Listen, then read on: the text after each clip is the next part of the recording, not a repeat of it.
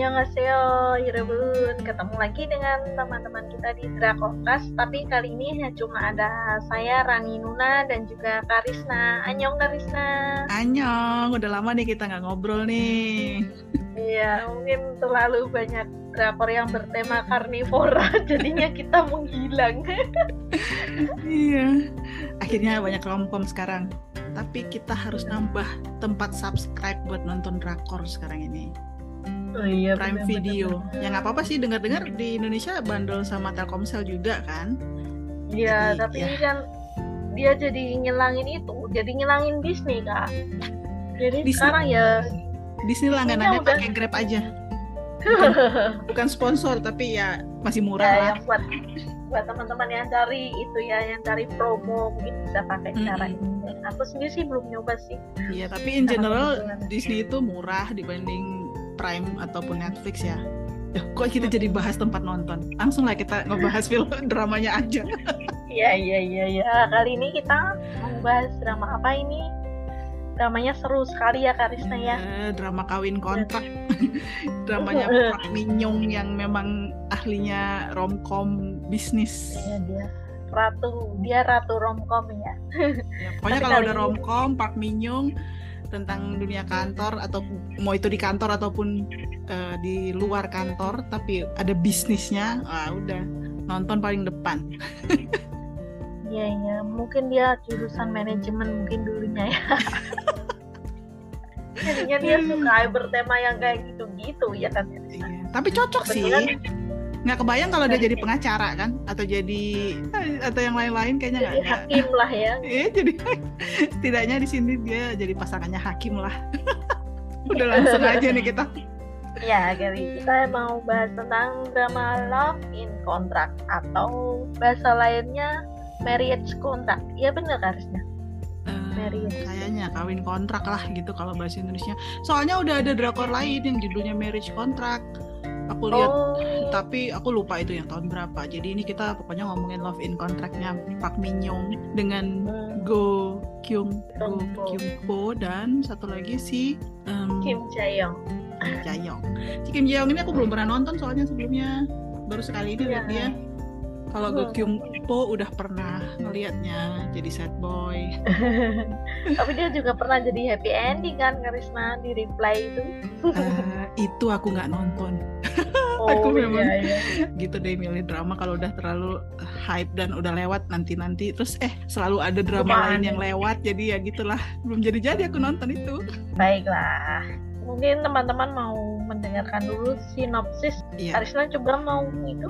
Mau Ya sesuai dengan judul ya, judulnya kan kawin kontrak gitu ya. Jadi kisahnya ini ya tentang em, seorang wanita yang namanya tuh Choi Sang Eun ya, yang diperankan sama. Park Min Young. Dia itu eh, bekerja sebagai istri sewaan profesional. Jadi kawin kontraknya bukan cuma sama satu orang, dia bisa sama beberapa orang. Tapi juga dari awal tuh ditunjukkan bagaimana keprofesionalannya dalam menyeleksi klien. Jadi dia pakai namanya sebenarnya eh, single helper ya. Jadi kayak membantu Hmm. orang-orang yang single tapi butuh status menikah atau butuh status punya pasangan gitu. Jadi ternyata Iya. ya walaupun awalnya aku pikir ini ceritanya aneh banget sih judulnya kawin kontrak gitu ya. Iya. banyak Pertanyaan ternyata ya orang-orang single yang butuh gitu loh eh, untuk punya status menikah sebentar gitu. Tapi jadinya dia itu udah menikah secara legal ya ini menikahnya secara legal bukan cem-ceman simpanan gitu bukan. Ini profesional dalam arti buat status hukum kadang-kadang ya buat status di depan keluarga gitu ya. Tapi nggak ada nggak ada personal affection sebenarnya. Jadi nggak nggak bener-bener yang ada cinta-cintaannya gitu. Justru ini pernikahan Iya. bisnis. Bisnis pernikahannya ya dia jadi istri sewaan doang. Dan tapi nggak ada hubungan yang eh, romantis gitu. Dan dia punya rules yang harus ditandatanganin lah pokoknya sebelumnya gitu. Dan ya dari situ dia udah 12 kali bercerai gitu ya selama 13 tahun gitu dan Iya, udah betul. berencana buat pensiun gitu kak dan Mm. ada sih alasannya dia melakukan itu pun sebenarnya ya karena dari kecil tuh dia di, be- disiapkan kayaknya buat jadi istri ideal gitu jadi dia tuh memang bisa segalanya bisa berbagai bahasa uh, cantik bisa dandan bisa bela diri bisa berkuda pokoknya ya. udah disiapin buat jadi istri konglomerat uh, uh, jadi udah high class gitu tapi ya dia sendiri belum pernah mengenal cinta jadinya. Dan pada perkiraan sekarang umurnya 30-an ya kali iya umurnya 30-an makanya dia mau pensiun. Dan cita-citanya sebenarnya sebagai orang yang udah jadi istri orang berganti-ganti ya aneh deh. Cita-citanya dia, dia pengen pindah ke luar negeri bertemu dengan orang yang belum pernah dia temukan sebelumnya ya. lalu jatuh hmm. cinta dan menikah. Simple as that. Eh, eh, sederhana Iya, jadi gitu untuk seorang yang udah menikah berkali-kali dia bercita-cita untuk jatuh cinta. Tapi maksudnya ya dia pengen sesuatu yang tulus gitu loh, nggak bisnis only gitu loh, bukan menikah karena kebutuh dia untuk apa gitu loh. Karena dia merasa selama ini hidupnya dimanfaatkan. Heeh, gitulah. In general sinopsisnya begitu. Ini tentang kehidupan si Choi Sang Eun ini sendiri gitu. Dan kalau dari awal ceritanya itu ada dia udah punya ada satu klien yang agak panjang jangka waktunya. Spesial lah ya. Uh, uh, spesial karena Senin Rabu Jumat. Dia selalu makan malam dengan si Jung Ji Ho yang dia perankan Go Kyung Po itu gitu. Tapi strictly makan malam doang gitu loh. Dimasakin terus makan. Bahkan nggak ngobrol karena si Jung Ji Ho nya ini orangnya terlalu straightforward sehingga menurut dia setiap kali dia ngomong itu bisa bikin masalah gitu loh. Terlalu mungkin ya mungkin sebenarnya gini ya terlalu belak-belakan tapi yang dia bilang itu bener gitu loh. Dia itu terlalu to the point dan orang-orang tuh suka nggak suka gitu mendengarnya gitu. Jadi dia merasa lebih baik menutup mulut gitu daripada orang jadi uh, sakit hati lah salah paham lah apalah gitu. Dan kalau menurut dia iya. aku kan cuma stating the fact gitu. Aku kan cuma ngomongin apa yang memang fakta gitu loh. gitu. Sedangkan belakangan ada lagi satu lagi kliennya yang buat hari Selasa Kamis Sabtu itu selebriti ceritanya. Dan tapi ternyata ada ini kita spoiler aja ya karena toh sekarang ini kan ya. baru sampai episode 10 ya. Masih ada ya. episode lagi gitu ya. Dan konflik itu di poster juga udah kelihatan ada tiga kan. Yang itu tuh si Kang Hejin diperankan sama Kim Jae Young itu dia selebriti yang ternyata adalah anak keluarga konglomerat tapi dia merahasiakan identitasnya dan sebenarnya dulunya si Choi Sang Eun ini dipersiapkan buat jadi istri keluarga dia gitu loh. Jadi keluarganya Kang uh, ya tapi bukan buat dia tadinya. Tadinya buat abangnya kayaknya. Tapi waktu dia melihat hmm. kelakuannya si Choi Sang Eun yang sangat rebel dan pada dasarnya dia juga pengen rebel gitu dia tuh jadi kayak role model buat dia. Dan itu si Choi Sang Eun itu jadi kayak cinta pertamanya gitu. Lu menurut lu aneh banget loh kan, saya kan kan biasanya tuh yang namanya cinta pertama tuh sesuatu yang berkesan. Ya, justru ya, berkesan ya, kayaknya dia karena dia juga udah Tapi, bosan diatur-atur keluarganya si Kang Hejin ini. Dia melihat bahwa oh aku pengen melakukan apa yang dilakukan sama si Choi Sang Eun gitu. Kalau aku ngeliatnya ya, kalau role model mungkin iya, tapi kalau cinta pertama kayaknya kok kok iya terlalu sih. dipaksakan masuk cerita ya kan ya, ya tapi Soalnya gimana kan dong ceritanya kan dia cantik boleh lah. Jadi kan namanya waktu itu kan si Choi, uh, si si Kang Hejinya masih SMA oh. ngelihat si Choi Sang Eun yang cantik ya iyalah boleh lah. Cinta pandangan pertama plus first love pokoknya bungkus jadi satu. Pokoknya romcom semua dibungkus jadi satu temanya gitu. Tapi ini menurutku cerita ini tuh agak menarik soalnya di episode awal nggak dijelasin ya kak? Apa pekerjaannya ya, cara berceritanya unik. Aku sendiri hampir tertipu. Gue pikir ini ini tunggu dulu. Iya. sekarang ya. kenapa semua romcom ada misterinya? gitu loh. Kan ada beberapa iya. romcom ya. akhir-akhir ini tuh suka uh, suka menampilkan misteri gitu kan. Karena digambarkan si Jung Ji Ho nya itu misalnya kayak punya masalah kayak membuntuti orang gitu. Terus kayak nusuk-nusuk pisau. Itu yang di ya, foto banget itu. Ternyata itu semua uh, karena pekerjaannya yang jadi hakim kan gitu. Dan ternyata kasusnya pinter. itu memang berhubungan sama dia ya kan. Ya, iya, pinter banget cara berceritanya gitu loh. Tapi unik sih. Jadi dia menunjukkan si Jung Ji Ho nya itu memang sebagai hakim pun dia melakukan uh, riset lah gitu kayaknya riset ke lapangan. Dan karena dia merasa dia orangnya nggak bisa berinteraksi dengan normal dengan orang-orang gitu dia juga disuruh sama kantornya kan buat kelas buat uh, ke pertemuan buat dia bisa lebih berkomunikasi dengan orang gitu.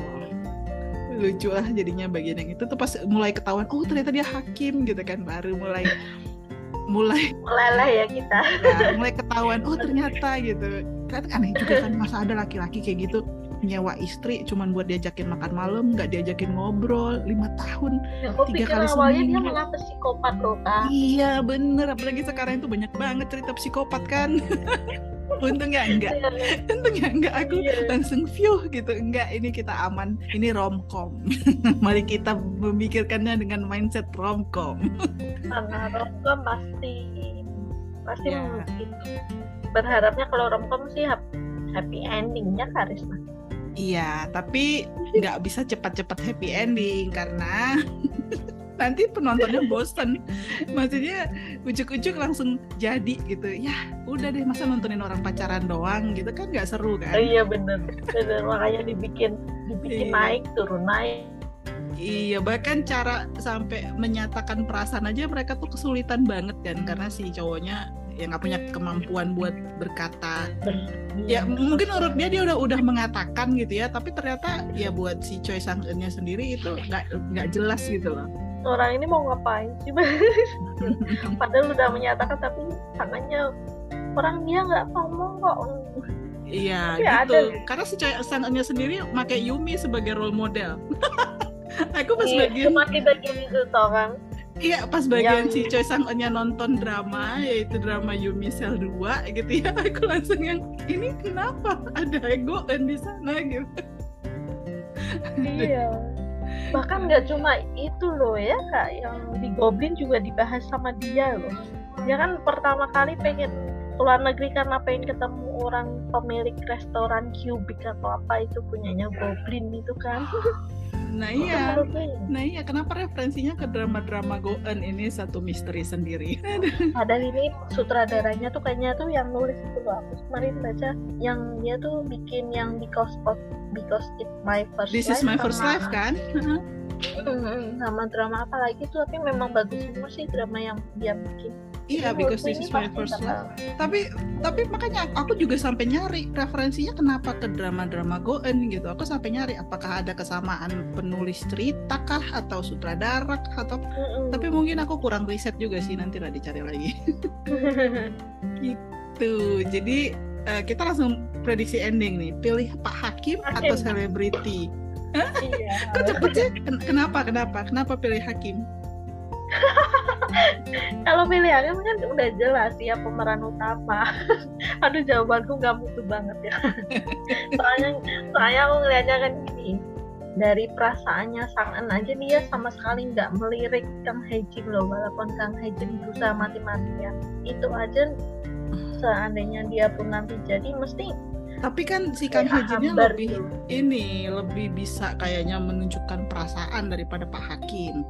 Iya, tapi sekarang kan Pak Hakim udah berubah sedikit-sedikit. Cuma aku mikirnya ini nanti gimana kalau seluruh anggota pengadilan tahu kalau istrinya Jung Ji Ho adalah pacarnya Kang Haejin itu kan mesti nanti bakal heboh banget. Nah, terus istrinya bisa-bisa dibully, ya kan nggak Rizna? Nah itu. Kalau dibully kan kasihan sih sebetulnya, walaupun tapi menurutku ini aku prediksi sendiri ya. Kalau harusnya itu gini kalau nanti Kang Haejin ini kan ketahuan. Ketahuan kalau Sang itu pacarnya. Jadi bisa dibikin model gini aku sama Sang itu kemarin memang pacaran tapi kemarin kami bertengkar dan memutuskan untuk tidak lagi pacaran. Itu kan udah selesai di end. Langsung. Ya bisa lah itu gampang lah sebenarnya. Kan memang toh dia juga cuman mau rebel doang kan itu menggunakan si Sangren kan. Tapi kan hmm, sebenarnya gini kalau aku ngelihatnya sih memang dilemanya kan kalau pilih Pak Hakim kan Pak Hakim ini orangnya terlalu nggak bisa mengungkapkan perasaan udah gitu dia juga punya masa lalu kan dan iya Pak Hakim ini punya cinta pertama segala gitu loh udah pernah menikah gitu kan. Sedangkan kan Hmm. kalau sama selebriti kan sebenarnya bisa dibilang iya dia cinta pertamanya dan mungkin lebih ekspresif dan sebagainya. Tapi memang mendingan pilih Pak Hakim sih kehidupan selebriti itu nggak enak dibuntutin mulu kan. Ya nggak sih? Dia mm, bakalan lebih tenang lah hidup sama Pak Hakim. Toh ya masa lalu kan masa lalu. Se secara justru lempengnya Pak Hakim itu bagus sih. Dia kayaknya Iya. sih nggak akan belok-belok ke masa lalu gitu loh. Dia udah kayak tutup buku sama yang lama gitu loh. Ya Mm-mm. ya kalau masalah kurang ekspresif ya nanti kan bisa dilatih sama sang Ya, apalagi sekarang udah berubah sedikit ya Iya. selamat pagi. Walaupun eh, Pak Hakim ini agak-agak ambisius gitu loh diajakin main golf karena dia golfnya nggak bagus langsung minta dilatih tuh. Iya. Cuma aku kasihan tuh sama Kang Haijin Karisna gimana tuh? Kasih kasih pasangan atuh Iya, aku juga berharap 6 episode terakhir ini ada nanti dimunculkan siapa kayak gitu jadi pasangannya si Kang Hejin gitu loh. Jangan dibiarin dia merana gitu deh. Kasihan juga sih aku, tapi nggak seru aja gitu kalau misalnya, masalahnya kan dilemanya kalau si Choi Sang Eun-nya sama Kang Hejin, artinya kan dia kayak memenuhi permintaan Madam Yu yang selama ini sudah membuat dia susah kan gitu dan dia jadi Iya, dimanfaatin bener. lagi gitu loh. Jadi ya aku juga melihatnya ini udah jadi kayak film India ini. gitu. Jadi ya itulah harapannya sih jadi malah ada ya. siapa kek gitu jadiin pasangan buat Kang Hejin. asal jangan pengacaranya itu yang cantik ya Oh, man- mantan hak, mantannya Pak Hakim. Mm-mm. Ya jangan atuh aneh banget kalau tukeran kayak gitu. iya benar Siapa lah nggak apa-apa masih aneh. ada. lebih Masih ada aneh lagi nanti lah. kalau kalau Kang Haijin jadi gay ket- ketularan siapa Aduh jangan deh, aku nggak suka ceritanya gitu. Maksudku ya. tapi ngomongin ngomongin itu pengawal itu yang itu lah Nah, ya yang, serumah mantan sama. suaminya Sangan itu yang Iya. serumah Nah, itu tuh kayaknya dia tuh nanti bakal itu deh jadian sama, Sama- manajer. manajernya tuh soalnya pernah kan pas di nikahnya temennya dia Heeh. dia dilirik sama cewek. Sama temennya SMA lah. Tapi dia bilang aku tuh nggak nggak tertarik untuk nikah. Pengen jadi selebriti terus nanti beli rumah besar pengen pengen beli mobil besar. Dia bilang gitu. Tapi tapi anehnya dia pas di itu siapa? Dibilangin sama Kang Hejin ini loh bodyguardku dia gay tapi dia nggak tertarik untuk pacaran sama orang sekantor karena emang manajernya kan takut banget ya kan Karisma dia takut waktu ditinggal berdua tok sama itu sama Kang Eh, nggak tahu ya. Aku sih berharapnya ya nggak apa-apa di mereka ini kan kayak berusaha menjawab permintaan masa ya dengan adanya tokoh gay gitu ya. Tapi ya nggak usah lah ditunjukin ada pasangan gay gitu loh. Males gitu loh. Drakor iya bener nggak bener usah nggak usah ngikut-ngikut itulah gitu. Tapi ya well we'll see. Kayak iya jangan sih soalnya jangan, kan dari jangan sama awal Kang Hejin lah. Tapi ah aduh kasihan banget. enggak lah Kang Ejin biar dapat artis lain atau putri Iya. putri Sanghun siapa itu loh putri putrinya Iya. mungkin aja ada yang membukakan hatinya lagi ya itu pokoknya menurutku worth it banget deh nonton eh, apa langganan Prime Video. Aduh kita jadi kayak ngiklan gini ya. Tapi ini soalnya kan Menghibur. Prime Video. iya ada di sana. Jadi bukan ngiklan sih, tapi maksudnya di sana juga nanti ada drama-drama lain yang bisa ditonton kan.